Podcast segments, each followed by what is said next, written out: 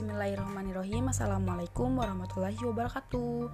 Kembali lagi bersama saya Sabrina Molda Jadi di episode kali ini uh, Saya akan membahas tentang Bab 2 Yaitu dengan Subbab masalah pokok dalam ekonomi Islam. Lanjut aja ya langsung ke soal. Soal yang pertama yaitu Bagaimana peran ekonomi Islam dalam mengatasi masalah kelangkaan sumber jadi Islam itu mengakui bahwa kelangkaan sumber daya itu memang terjadi.